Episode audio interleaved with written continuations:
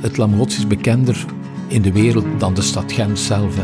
De meest beroemde schat van een kathedraal. Het is een van de mooiste kunstwerken ter wereld. Misschien wel het mooiste kunstwerk ooit gemaakt. In 1934 wordt een paneel van het Lam Gods, het wereldberoemde altaarstuk van Jan van Eyck, gestolen. Dan wordt hij gestolen en dan krijg je dat knulligheid.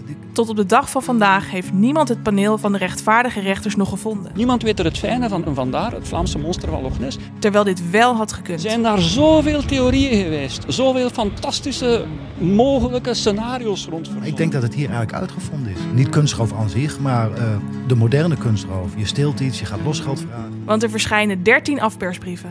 Er is een mysterieuze code in een 14e nooit verstuurde brief. Arte, Wazzo, 152. En een man doet een bekentenis op zijn sterfbed. Ja, zo'n bekentenis op een sterfbed. Als, als ik een film zit te kijken, dan zet ik hem af en dan denk ik, wat ongeloofwaardig. Maar hier gebeurt dat gewoon. Dit is De Vlaamse Kunstroof, een podcast van Dag en Nacht En Media. dat was twee uur s'nachts en ineens dacht ik van, dat is het. Samen met Vlaamse amateurspeurders gaan we afpersbrieven lezen, Toen werd het mij even zwart voor de ogen. codes kraken Wat een toeval. Vier? Nee, vijf? Nee, zes? Oh! en zoeken naar het gestolen paneel van de rechtvaardige rechters. 46, 47, 48, 49, 50, 51, 52. Voilà. Waar kan dat schilderij toch gebleven zijn? 50, 52. Zo, nu staan we er bovenop. Luister de Vlaamse kunstroof nu in de Podimo podcast app of via podimo.nl schuinstreep de Vlaamse kunstroof.